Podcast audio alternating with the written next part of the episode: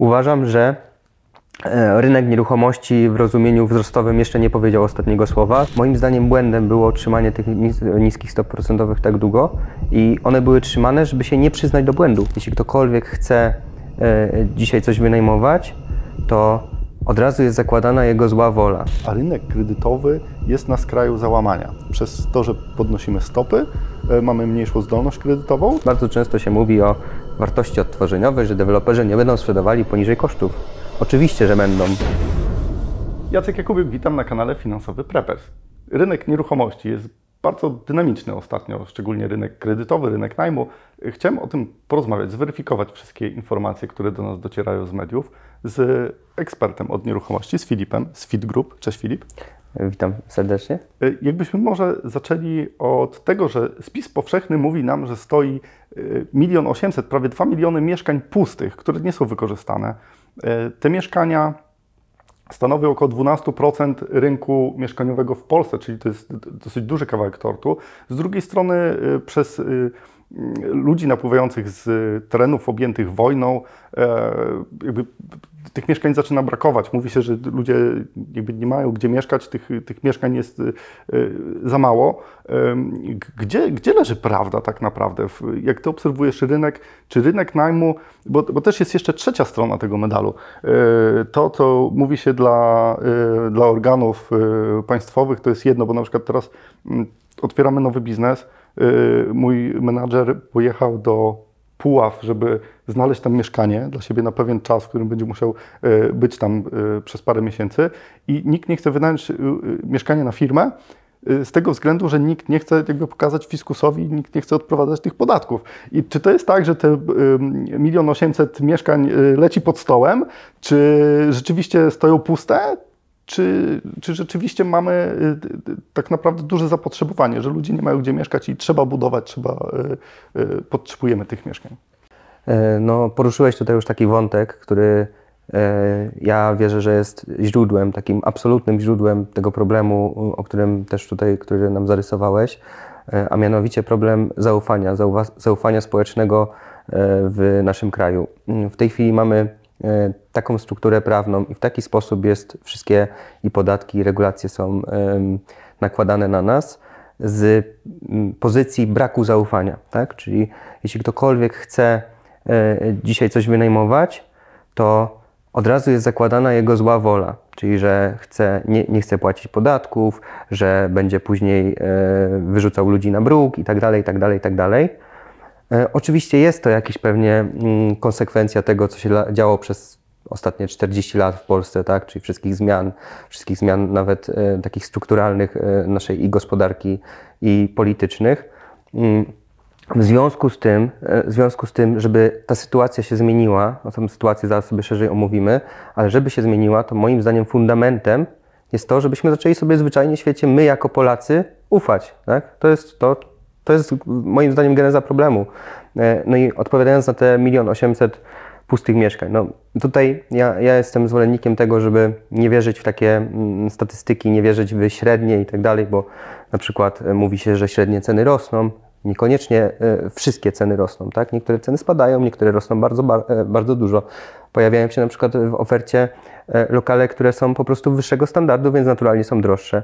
E, Te, co e, były nietrafione produktowo w rynek w danym momencie, są sprzedawane taniej, więc tanieją, tak? I w tym samym momencie, w tym samym rynku, gdzie usłyszysz, że na przykład średnia e, w danym mieście urosła o, nie wiem, 1% albo 5%, albo 10%, albo spadła o 2%, to może się okazać, że jeden segment rynku urósł o 15-20%, albo nawet 50% e, na przykładu, a inny spadł o, o, o 20%. Więc jakby jestem bardzo e, em, zagorzałym przeciwnikiem e, stosowania takich uogólnień i, i No tak, bawienia się wychodzę z psem na spacer, to statystycznie mamy po trzy nogi, prawda? Otóż to, otóż to.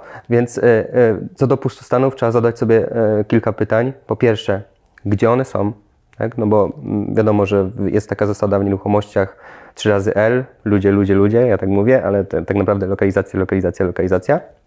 No i w momencie, kiedy mamy miasto, które się całkowicie wyludnia, albo wieś, która się wyludnia, no to naturalnym jest tam, że tam mogą być pustostany, no ale nie zmienimy tego ani legislacją, ani cenami, żeby tam ludzie zaczęli się wprowadzać. No bo po co mają się tam wprowadzać, jeśli tam nie ma żadnego zakładu pracy, nie ma tam perspektyw, nie ma infrastruktury, nie ma e, handlu, nie ma niczego, tak? Czyli tam będą ludzie, stamtąd się takie miasto będzie się wyludniało i będą naturalnie powstawały coraz to kolejne e, pustostany. Trzeba patrzeć na te miasta, które są ośrodkami pewnymi i infra- infrastrukturalnymi, i rozrywkowymi, i biznesowymi, i handlowymi, i, i też e, nawet e, związanymi z, z polityką, z gospodarką. Więc na te miejsca trzeba patrzeć i tam trzeba patrzeć, ile jest pustostanów i co zrobić, żeby tych pustostanów nie było. E, Więc takie jest moje takie powiedzmy ogólne spojrzenie na ten problem. Tak teoretyzując, e, bo mm, jakby nie da się ukryć, że ten napływ ludności e, zmniejszył ten, ten jakby potencjał do wynajęcia jakiegoś fajnego mieszkania, bo tak docierają od znajomych do mnie różne e, słuchy, że jest problem z wynajęciem czegoś sensownego, bo jakby wszystko, wszystko jest wynajmowane na pniu. E, Czy jeżeli by się skończyła wojna, tak teoretyzujemy sobie, kończy się wojna, co będzie z rynkiem najmu? Wiesz co, w obwodach elektrycznych jest coś takie pojęcie, które się nazywa delta Diraka. To jest moment, w którym jest bardzo nagły skok napięcia, tak? Bardzo nagły skok, e, który może powodować spalenie pewnych urządzeń, e, szczególnie takich wrażliwych na, na e, reakcje. W, mm, w finansowym świecie mówi się na to czarny łabędź. W związku z tym uważam, że żyjemy w świecie Delt Dirac, żyjemy w świecie czarnych łabędzi, bo co chwilę się pojawiają, tak? I e, ta sytuacja, ten napływ ludności z terenów objętych wojną e, jest ewidentnie takim czarnym łabędziem na rynku, e, na rynku najmu nieruchomości, więc jeśli ktoś potrzebował wynająć nieruchomość, to ma teraz duży z tym problem. Uważam, że to się unormuje. Uważam, że mm, będzie bardziej dostępny ten najem, że jest też tak, że tam, gdzie e, dużo ryb bierze, tam dużo wędkarzy się od razu udaje, bo wiedzą, że tam jest e, dobre łowisko, więc teraz, na pew- teraz ja zresztą to obserwuję u nas, bardzo dużo e, ludzi kupuje teraz mieszkania na wynajem gotówką, nawet się kredytując trochę i tak dalej, i tak dalej, bo widzą, że to jest bardzo e, dużo bardziej rentowne niż jeszcze rok temu. Em, No i e, w pewnym momencie wszystkie ryby zostaną jakby już, e, tych ryb będzie mniej po prostu w tym łowisku, tak można e, to, to e, porównać. Mm, Też może się wojna skończyć. Uważam, że część ludności na pewno zostanie, bo to jest tak, że podejrzewam, że pierwsza fala tych e, osób, które przyjechały do nas, to są osoby, które już myślały o tym przyjechaniu e, do nas, tak? Bo to jest tak, że pewnie jest połowa to jest taka, co po prostu ze strachu przyjechała, a połowa jakby już myślała o tym, że może zmienić swoje życie, może wyjechać, może gdzieś będą e, na zachodzie szersze perspektywy i tak dalej. I to był taki impuls, który spowodował, że przyjechali. Z notariuszem ostatnio rozmawiałem, że już jedna na 10 transakcji u niego to jest transakcja z osobami z Ukrainy, tak? Więc to już jest bardzo duża skala e, tego zjawiska. E, W związku z tym, jeśli chodzi o rynek najmu, ja uważam, że troszkę się unormuje, będzie trochę lepiej w przyszłości, będzie trochę bardziej dostępne, będą bardziej dostępne mieszkania, bardziej dostępny, dostępna oferta. Tylko znowu trzeba tu wrócić do podstaw. Żeby to się wydarzyło, żeby w ogóle ludzie mieli większą motywację do wynajmowania, to potrzebujemy zmienić legislację, potrzebujemy mieć możliwość podpisania umowy, która jest w miarę chociażby e, równoważna, tak? Czyli nie, że e, człowiek się boi wynająć swojego mieszkania, bo mm, przyjdzie COVID i zabronią mm, całkowicie eksmisji. No to jest coś, co powoduje antyefekt. To efektem ma być to, że ludzie mają mieszkać w tych mieszkaniach i mają mieć gdzie mieszkać, a, a efektem staje się to, że nie chcemy wynajmować mieszkań, bo się boimy, że mimo, że mamy własność, że jest po- podstawa kapitalizmu, czyli własność, e, e, mamy swoją, to tak naprawdę nie jest ona nasza, bo nie mamy, e, bo mogą nam ludzie za nią nie płacić, możemy nie mieć do niej dostępu, nie mieć możliwości do niej wejść i nie mieć możliwości zmienić tego stanu. I to jest tak naprawdę największy problem. Tak? Największy problem mamy tutaj, w tych, tym, co powiedziałem, w zaufaniu.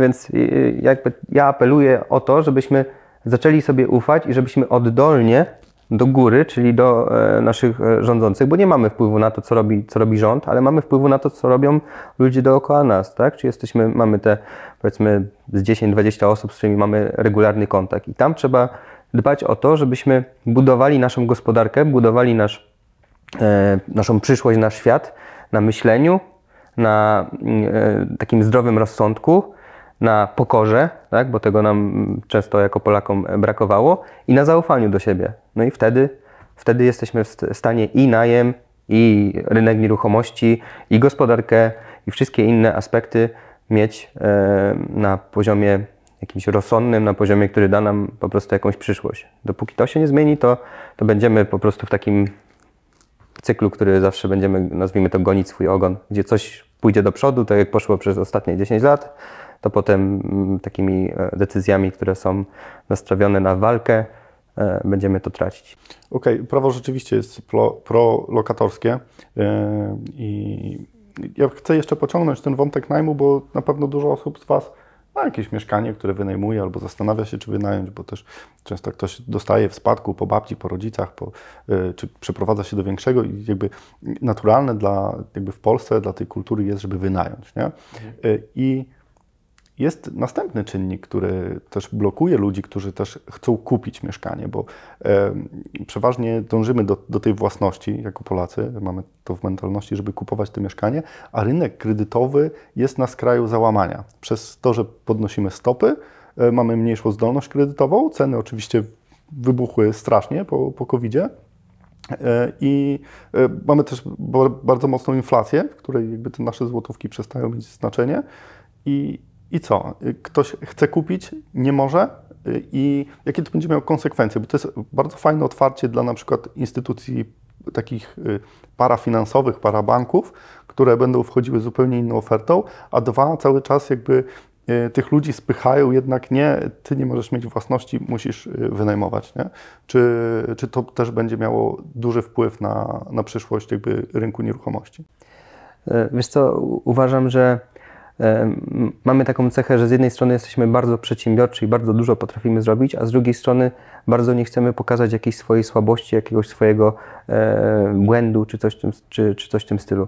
I na przykład silna inflacja moim zdaniem jest chociażby jednym z, z efektów tego, bo e, moim zdaniem błędem było trzymanie tych niskich stop procentowych tak długo i one były trzymane, żeby się nie przyznać do błędu, tak? Czyli żeby nie przyznać się do tego, że te niskie stopy procentowe to był błąd.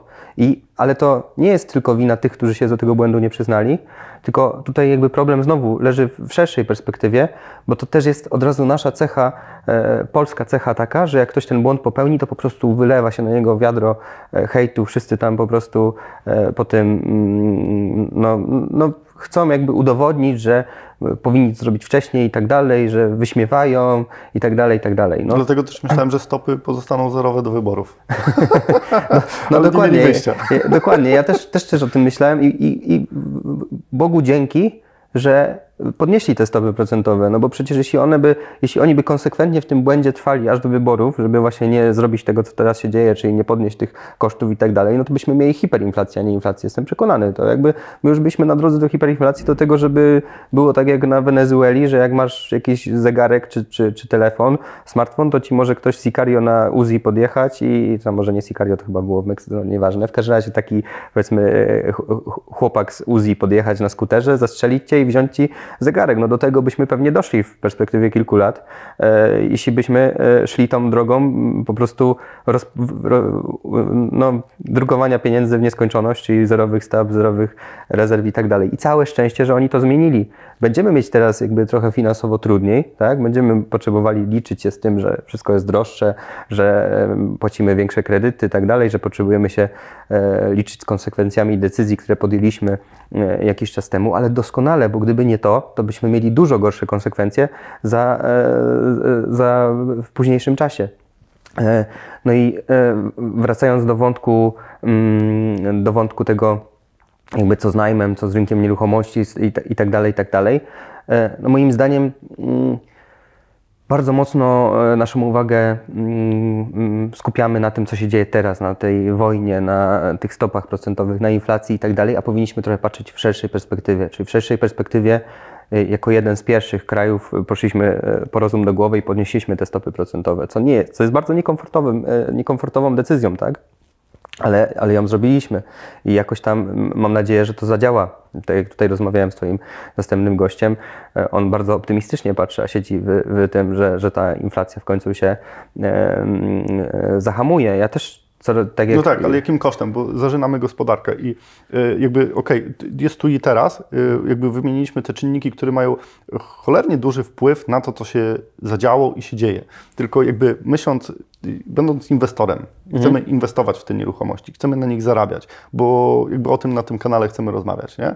Jeżeli chcemy wyciągnąć środki, to musimy być w stanie przewidzieć, co może się wydarzyć. I tak, ym, y, teoretycznie kończy się wojna, co się dzieje z cenami?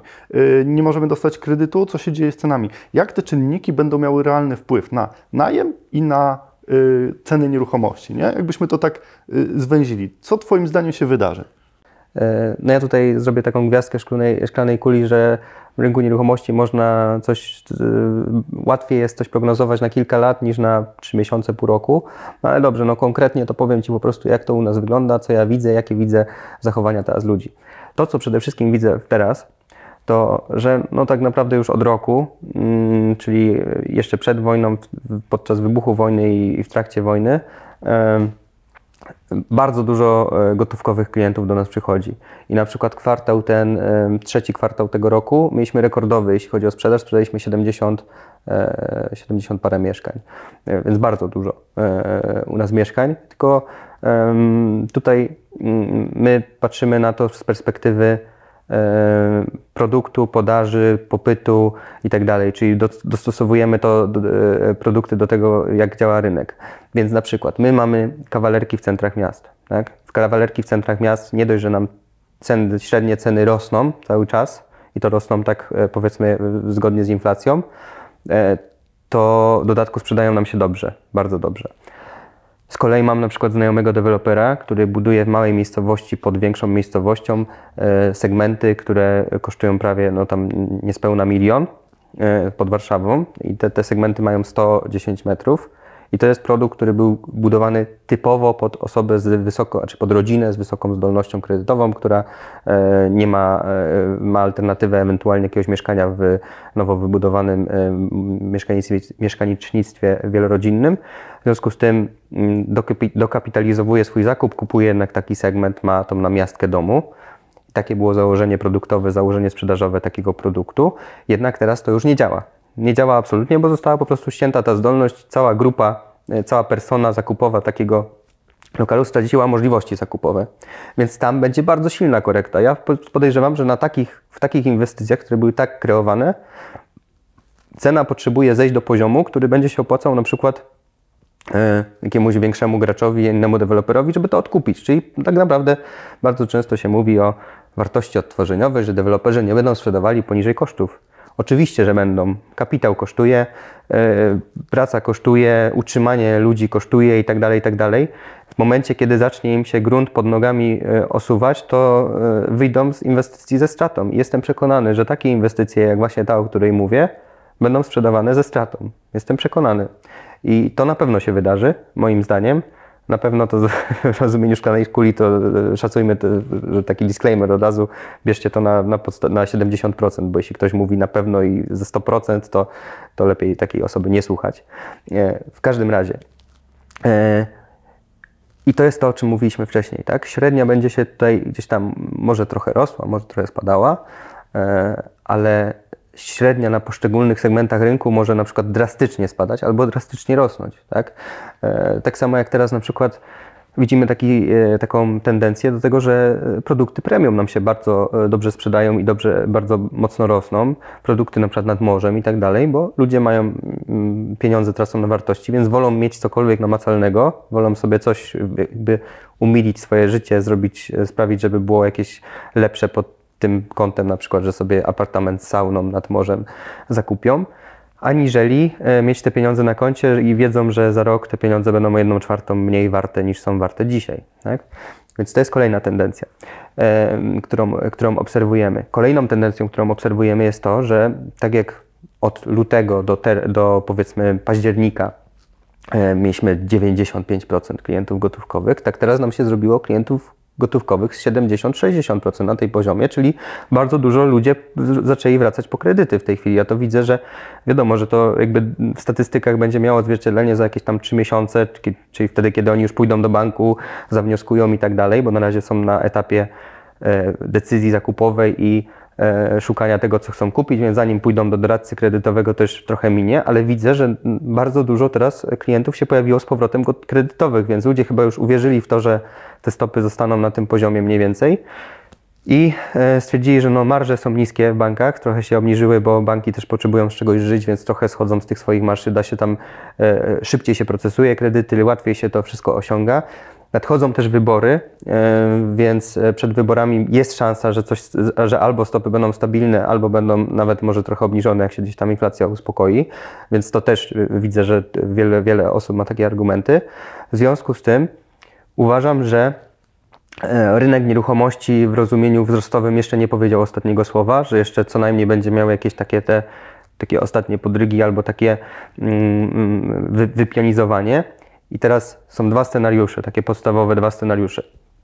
Jeśli jednak e, gospodarka e, przetrwa, jeśli jednak, czy przetrwa, no przetrwać na pewno przetrwa, ale przetrwa w, dobrym, w dobrej kondycji, tak? Czyli jeśli będzie się dalej rozwijała, jeśli my jako Polacy damy sobie to zaufanie i będziemy dalej tak pracowici, tak inteligentni, jak jesteśmy, to moim zdaniem nie ma co liczyć na spadki e, na rynku nieruchomości, bo mamy też taki sentyment u nas w, w, tym, że jednak taka pierwsza inwestycja, po którą sięgamy, to są nieruchomości. Tak jak w Stanach pierwszą inwestycją, po którą sięgamy są akcje, tak w Polsce są to raczej nieruchomości. E, więc jeśli tutaj gdzieś tam się obronimy z tej, z tej teraz całej e, e, gospodarczej zawieruchy, to moim zdaniem na jakieś większe spadki nie ma mm, e, średniej, mówię o średniej, tak? E, bo tak jak mówię, na poszczególne segmenty to, to jestem przekonany, że będą duże spadki w poszczególnych segmentach, ale w średniej już nie. Drugi scenariusz, że jednak będzie jedna wielka recesja na całym świecie, to wtedy nieruchomości też spadną, to jest oczywiste. Przy czym ja uważam, że teraz jest dobry czas, żeby, żeby sobie spróbować, żeby po prostu podjąć taką decyzję, no bo tak, są deweloperzy, z którymi da się negocjować, którzy mają jakby jakieś tendencje do, do opuszczania cen i tak dalej, do dawania jakichś promocji, dodatkowych rabatów, e, jakichś super ofert i tak dalej, albo chociażby transakcyjnie da się dobrze e, dogadać z, z deweloperem, czyli na przykład, że E, warunki płatności i tak dalej, i tak dalej. No, mamy bardzo szeroki aspekt, nazwijmy to biznesowy, tego, co możemy dzisiaj wynegocjować z uczestnikami rynku nieruchomości. W związku z tym ja uważam, że teraz jest dobry czas, żeby bardzo proaktywnie podejść do rynku. Czyli nie, że otwieramy sobie tam oto dom, jedną, drugą stronę i wybieramy trzy, idziemy, kupujemy. To nie tak powinno teraz działać. Teraz trzeba tak, żeby być, zbudować sobie super przewagę i naprawdę dobrą pozycję, to trzeba raczej dużo energii na to poświęcić, tak? Czyli albo znaleźć bardzo dobrych e, partnerów do tego, czyli bardzo dobrego, czy tam pośrednika, e, czy kogoś, kto się zajmuje zawodowo tym, żeby właśnie inwestować w nieruchomości i tak samo, żeby zawodowo e, rynkiem finansowym, czyli kredytami i takim ogólnie dywersyfikacją. Więc uważam, że teraz jest dobry czas na podejmowanie mm, jakichś e, zakupów, decyzji i tak dalej. Z tego względu, że to jak się mówi, jak wszyscy są chciwi, to sprzedawaj, jak wszyscy się boją, to kupuj, a teraz wszyscy się boją, więc jest dobry czas na kupowanie. Tylko trzeba kupować mądrze. To jest jakby takie moje mm, znowu helikopter view na to, jak e, rynek nieruchomości w tej chwili wygląda. Okej. Okay. Na pewno też wielu z widzów y, myśli o budowaniu się i mm, kupuje jakąś działkę, zaczyna inwestycje. E, ja też do swojego portfela inwestycyjnego ostatnio dorzuciłem nieruchomość. E, nieruchomość to stary dom z działką i wiem, że Ty masz bardzo duże doświadczenie w kupowaniu starych, dużych budynków, odświeżasz je w bardzo fajny standard i i tak, ja mam takie doświadczenie, że architekt mówi, weź sobie zbóż i wybuduj coś nowego, bo będzie to tańsze, a niektórzy mówią, no będzie mniej problemów prawnych, bo tam z drogą dojazdową trzeba poszerzać. Tak jakby w skrócie zmieniły się trochę przepisy i e, mamy wydłużony czas. To weź sobie wyremontuj, prawda? E, idź w remont. Tylko Jakie e, niespodzianki mogą czekać takiego inwestora, który wchodzi do budynku, który jest ruiną, ma grzyb na ścianach, ma e, to różne dziwne. Co tam się może, co, co tam może mnie czekać, jeżeli bym się zdecydował na remont? E, wszystko. Koniec tematu. Dobra, idziemy do domu. Idziemy do domu. Dobra, no ale tak poważnie. E, jeśli chodzi o, o mm, kupowanie budynków, które już istnieją, no to mm, trzeba bardzo e, dużo rzeczy przeanalizować, żeby zrobić to mądrze. E, dlaczego? Bo to, co już tutaj poruszyłeś, kilka tematów. Po pierwsze, mm, w momencie, kiedy e, chcemy zbudować, czyli przebudować budynek albo zburzyć, zbudować e, nowy, no to pojawiają się właśnie takie tematy jak e, warunki przyłączeniowe, warunki zabudowy. Jeśli jest miejscowy plan, no to trzeba się dostosować do miejscowego planu zagospodarowania przestrzennego. W związku z tym dużo takich wątków się pojawia, które wymagają dość wnikliwej analizy, żeby podjąć tą decyzję no, tak w sposób bezpieczny. E, No bo mm, są na przykład gminy, w których już po prostu niektórych e, rodzajów mediów się nie przyłącza po prostu, jakby nie ma terminu, tak? Czyli nie, że termin jest za dwa lata, tylko nie ma. Nie ma, nie, nie przewidują, nie ma przepustowości e, i tyle i, i możesz sobie kupić działkę, możesz chcieć tam coś zburzyć, wybudować, ale już ci nic tam do, niego, do niej nie przyłączą. Więc czasami największą wartością działki może być to, że ona jest właśnie już podłączona do mediów, tak? Czyli że już ma e, funkcjonujący budynek, który ma wszystko, co, co potrzeba. Tylko, że na przykład, jeśli chcemy ten budynek poddać renowacji, no to może się okazać, że mm, e, nowoczesne technologie, nie wiem, pompa ciepła i tak dalej, i tak dalej, sprawią, że będzie potrzebne dużo więcej e, inne przyłącza, tak? których no, może nam znowu już nie dadzą tego. Więc to jest jakby pierwszy aspekt, na który trzeba spo- spojrzeć, czyli czy dadzą nam wszystko to, czego potrzebujemy, wszystkie media, których potrzebujemy i tak dalej.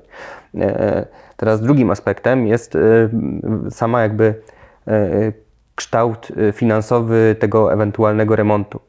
Bo zdarza się tak, szczególnie przy małych metrażach, czyli szczególnie kiedy kupimy e, mały budynek, może się zdarzyć tak, że sama iniekcja, e, żeby e, z- zaizolować chemicznie, po prostu iniekcję chemiczną zrobić w piwnicy, żeby po prostu przed wilgocią się ochronić, może kosztować tak dużo, że mimo tego, że powiedzmy nie trzeba całej konstrukcji stawiać, nie trzeba nie trzeba wymieniać stropów na przykład nawet i tak dalej, bo budynek jest w stanie, ale na przykład sama taka iniekcja to jest przeważnie przyjazd takiej specjalisty, takiego specjalisty od hydroizolacji, to są bardzo e, dość drogie usługi. To sam taki przyjazd to już pewnie by się na około 10 tysięcy raczej kosztował z takimi podstawowymi e, pracami, plus jeszcze jakieś kompanie fundamentów, zaizolowanie tego i tak dalej, plus jeszcze i tak to później może, może wchodzi, później jak to zrobić, to też może to gdzieś tam podciekać, może i tak dalej, i tak dalej. E, Mało tego, później może się okazać, że e, na przykład w, tej, w tym, co ty chcesz e, zrobić w tym budynku, jest tak dużo wyburzeń, jest tak dużo pracy takiej, żeby wyjść na poziom tego pracy, nazwijmy to zero. No i teraz pytanie, gdzie to jest? No bo jeśli jest to na przykład gdzieś tam w miejscu, gdzie masz dużo terenu, gdzie masz dużo dookoła, nie wiem, chociażby osób, które mają jakieś pojazdy, które mogą gruz wywieźć, albo którzy nawet od, odbierają gruz, no to super, ale u nas się zdarza tak, że na same kontenery na inwestycji to setki tysięcy wydajemy dosłownie, bo na przykład mamy jeden malutki prześwit bramowy, przez który tylko prze- przejeżdża taki e, kontener, w którym się mieści 2,7 metra sześciennego gruzu i tych kontenerów to wyjeżdża, wiesz, po parę e, dziennie dosłownie, a mm, branża kontenerowa to jest taka mini mafia, więc, więc tam nie ma tutaj za dużego pola do negocjacji i tak dalej. Często to jest zmonopolizowana kwestia, więc są takie, takie niuanse, na które trzeba zwracać uwagę. Kiedy to się najbardziej opłaca? No przede wszystkim wtedy, kiedy nasz budynek jest bardzo korzystnie zbudowany versus miejscowy plan zagospodarowania przestrzennego. Wtedy to jest, mm, można powiedzieć, e, olbrzymia przewaga takiego budynku, bo na przykład masz budynek w centrum miasta, w którym jest, dajmy na to, 50 mieszkań. Tak jak mówię, że o takich dużych budynkach, zaraz wrócimy do tych małych, ale tak dla przykładu chcę powiedzieć.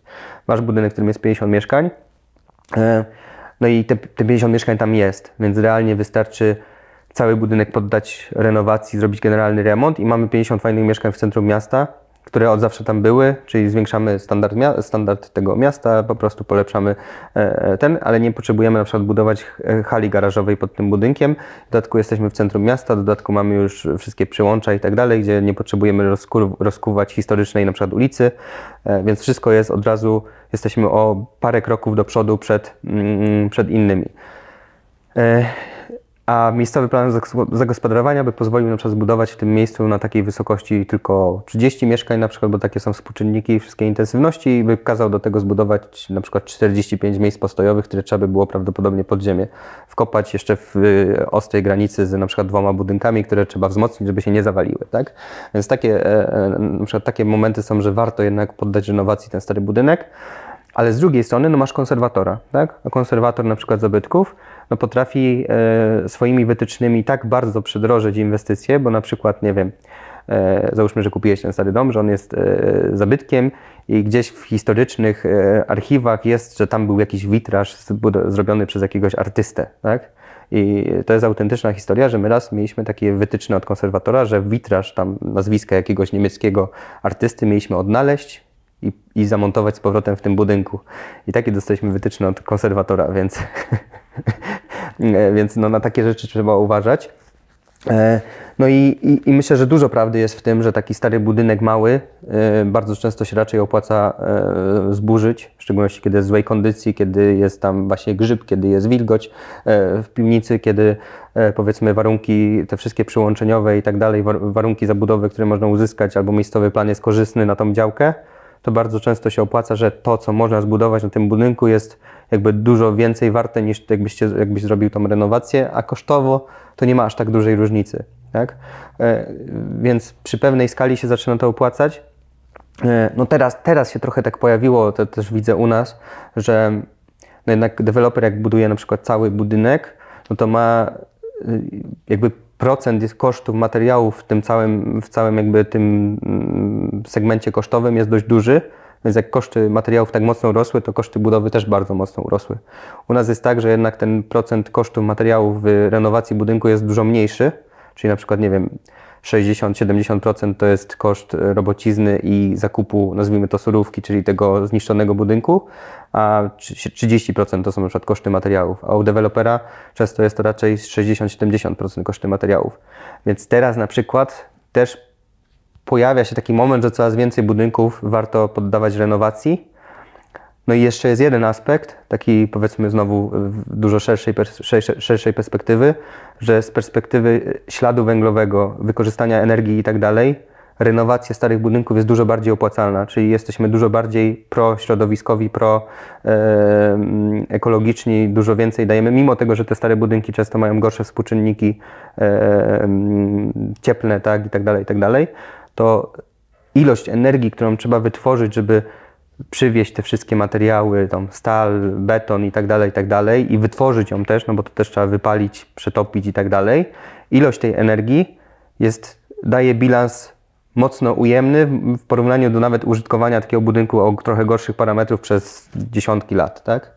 Więc to też jest taka, e, powiedzmy już w szerszej perspektywie, taki aspekt, który na pewno będzie mocno wpływał na to, że z każdym rokiem coraz bardziej będzie się opłacało reno, re, poddawać renowacji stare budynki niż budować nowe, no bo też tej energii nie będzie więcej na, na świecie, chyba że jakiś nastąpi przełom naukowy i, i znajdziemy jakieś nowe e, możliwości zdobywania energii. Ale jeśli to nie nastąpi, no to ta energia tych materiałów, tego wszystkiego do budowania będzie coraz mniej, bo, bo to są wyczerpalne, to są to nie, nieodnawialne źródła energii to są. W związku z tym ta renowacja będzie coraz bardziej istotna, coraz więcej będzie e, e, tej ciężkości, nazwijmy to, rozwoju e, mieszkalnictwa będzie właśnie w tym, żeby te budynki poddawać e, renowacji, które już istnieją. Nawet takie dwudziestoletnie, nie? Pocieszyłeś mnie z tym witrażem, bo to jest chyba jedyny błąd, którego nie popełniłem kupując tą nieruchomość, a który wymieniłeś. I jakby, tak jak opowiadałeś, widziałem te rzeczy, bo tam nie ma planu zagospodarowania. Yy, są problemy z wilgocią, bo to jest yy, z linią brzegową. Yy, I jakby wszystko to, ale jeszcze czekam, może zadzwoni do mnie konserwator zabytków niedługo i powie, że trzeba jakiś witraż odnaleźć. Zachęcam. To, to warto, żebyś sprawdził, czy jest w ewidencji, czy w rejestrze, czy w ogóle, czy może nie ma nic, no to wtedy jesteś w dobrej sytuacji. Tak, i jeszcze jeden, e, jedna rzecz mi przychodzi do głowy, bo teraz dużo się mówi o takich domach modułowych. W Stanach to już było modne dawno, w, e, ludzie tam nie przywiązywali wagi do, do tych domów. Tak naprawdę u nas była taka tradycja, że ten dom miał być na lata, a tam jakby budowaliśmy domy z kartonu po to, żeby mieszkać, fajnie mieszkać, szybko go zrobić, ym, y, chociażby na chwilę i, i później mogliśmy się przemieścić. Nie przy, I to było o wiele tańsze, prawda? Teraz y, są dwa aspekty, które chciałbym poruszyć. Domy bez y, pozwolenia na budowę do 70 chyba metrów. Czy to jest fakt, czy fikcja, bo też różnie o tym się rozpisują y, ludzie. I druga rzecz, czy y, stawiając taki dom modułowy, my coś oprócz tego, że kupujemy, kupimy go taniej i mamy szybciej, zyskujemy. To, to dwa wątki tutaj mamy e, do omówienia. Zacznę od tych domów e, małych na, e, bez pozwolenia na budowę. No, uważam, że to jest jakby tak mały segment rynku, że a poza tym to też jest takie trochę, to podobnie jak z naszymi teraz tym programem e, wsparcia, czyli tym bez wkładu własnego mieszkaniami, tak, który program rządowy, podobnie jest tutaj, tak. E, to ma trafiać do osób, na który, których nie stać raczej na, na większy dom i tak dalej, i tak dalej, które chcą sobie w łatwy, szybki sposób ten dom dostarczyć, czyli zaoszczędzić powiedzmy na tym, na tym całym procesie pozwolenia na budowę, projektowania i tak dalej, i tak dalej. Zaprojektować i tak trzeba, ale chodzi o to, że jednak e, jest to trochę łatwiejsze, e, tańsze i tak dalej, no, ale z drugiej strony Przecież takie domy są najdroższe w budowie e, z metra, więc to już nie ma różnicy, czy zbudujesz 70-75 metrów, czy, czy 150, to i tak potrzebujesz instalację, te najważniejsze elementy, czyli nie wiem, jakąś pompę, pompę ciepła, czy jakiś piec kupić, który jest bardzo dużym e, procentowo e, w koszcie. Tak samo już dach potrzebuje zrobić i tak dalej, i tak dalej. I się okazuje, że różnica w koszcie wybudowania 75-metrowego domu versus na przykład 110, no nie jest taka duża. To, są, to nie jest jakby razy e, ta różnica, w sensie to nie jest powiedzmy 75-150, to nie jest razy dwa, tylko raczej razy bardziej powiedzmy 30-50%, tak, na tej zasadzie, czyli tam, mm, no może trochę więcej, no ale generalnie tak, jakby taka, taka jest różnica niewielka, tak, więc moim zdaniem jest to po prostu nietrafione, no bo ci, którzy mają z tego korzystać, bo to nie jest też tak, że przedsiębiorca sobie może tych domków teraz nabudować ile chce, tylko to tam jest jakby bardzo obwarowane, mm, ci, którzy mogliby z tego korzystać, nie będą mieli możliwości z tego korzystać, bo ich na to za bardzo nie stać, no bo jeśli już by ich było stać, to raczej by sobie zbudowali ten dom 100-110 metrowy, no bo takie domy są przeważnie najbardziej odzwierciedlają potrzeby osób. Więc znowu się tutaj jakby mm, jakieś założenia, które są nieskonsultowane e, społecznie, mijają z tym, co jest tak naprawdę na rynku potrzebne. E, takie jest moje zdanie. Co będzie, zobaczymy. Za, za, dwa lata będziemy w stanie zobaczyć. Może się okaże, że cała Polska będzie stała w 75-metrowych e, domkach, ale średnio w to wierzę. Mi się przypomina taka analogia do budowania chodników. Niektórzy po prostu zostawiają e, ziemię i patrzą, którędy ludzie chodzą, a później robią tam chodniki, a niektórzy robią chodniki, a później tak wszyscy chodzą innymi drogami niż ten centralny planista to zaplanował. A przechodząc do tych domów e, e, z modułowych, domów z kartonu, czy jak to ludzie nazywają, kanadyjki, czy jaki to ma potencjał i co, co to wnosi do, do naszego życia? Czy to jest potrzebne? Czy co, to, to, to, w Polsce ma jakby szansę? To nie są domy z kartonu, to jakby ja uważam, że to jest bardzo, bardzo mm, krzywdzące dla tych dla tej technologii, bo to jest bardzo dobra technologia, bardzo łatwa, szybka, da się te domy, tak jak w amerykańskich często programach dokumentalnych, przenosić całe, dość łatwo i tak dalej, więc można nawet się przeprowadzać razem z domem, e, więc też są, są tego niewątpliwe zalety. E, no i przede wszystkim to jest, e, to są technologie, które największym ograniczeniem tych technologii jest klimat, tak? czyli no wiadomo, Kanada, no jak to Kanada też tam ma tam swój, swój klimat, no ale to jest powiedzmy taka specyfika, ale no w Polsce jednak mamy to, to że mieliśmy przez powiedzmy 30 lat temu to każda zima była z śniegiem na 3 metry e, zasypanym.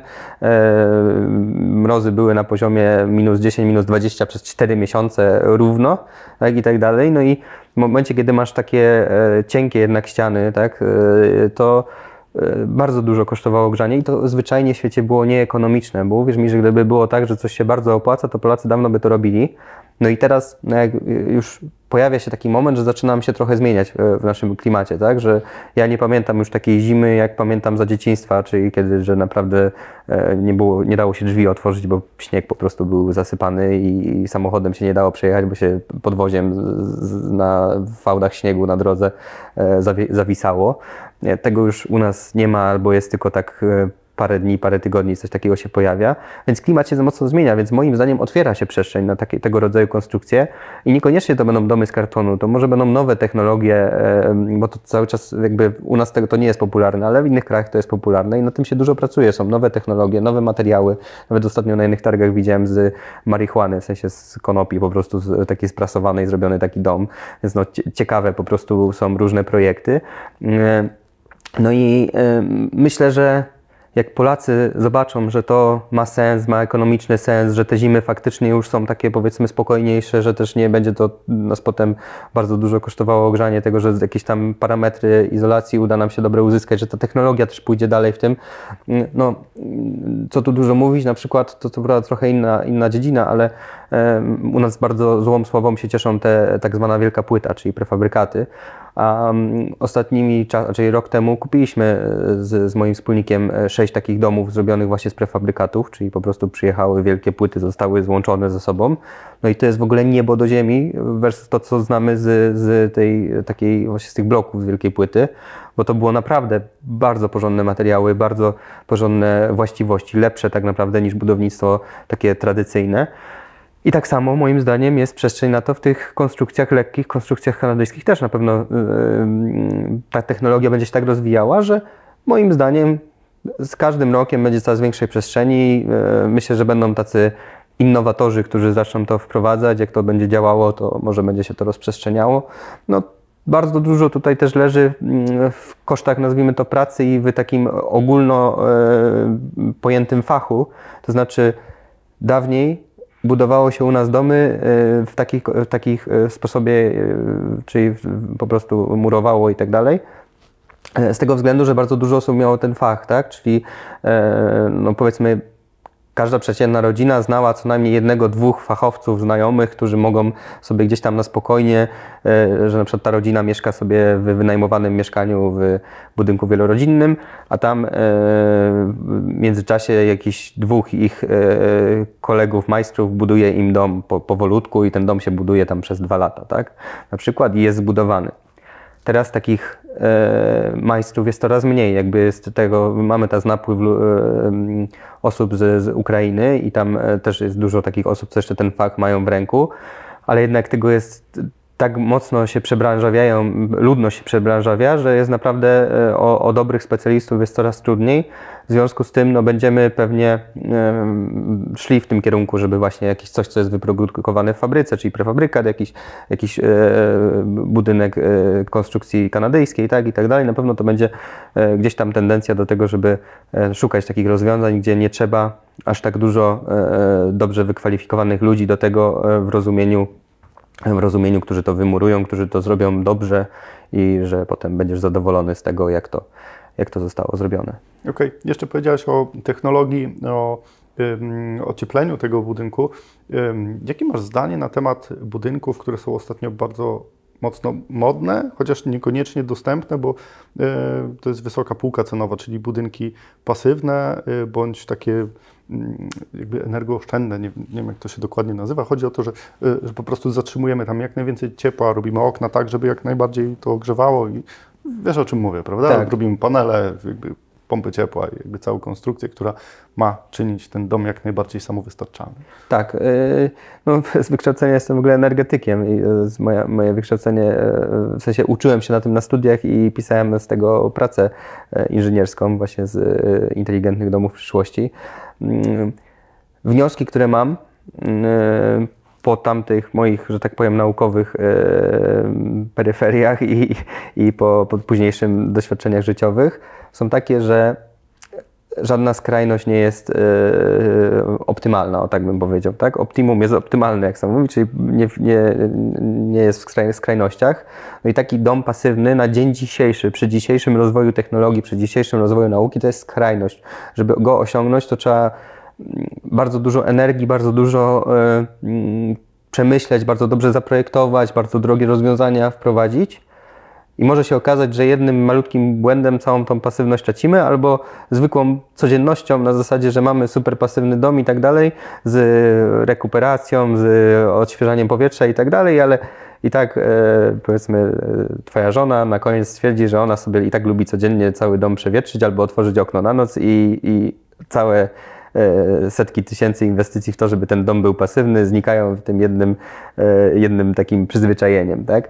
Więc e, taka skrajność wymaga pewnych wyrzeczeń, czyli wymaga pewnego poprzestawiania pewnych paradygmatów, które istnieją od zawsze, czyli chociażby takich, żeby sobie wietrzymy ten dom, bo potrzebujemy mieć do tego specjalne instalacje, które wymieniają ciepło, tak? Wy, wydmuchują ciepłe powietrze, wysysają zimne, a po drodze wymieniają ciepłe z zimnym, żeby to świeże powietrze było już ciepłe, wpadało do domu, tak? Na przykład.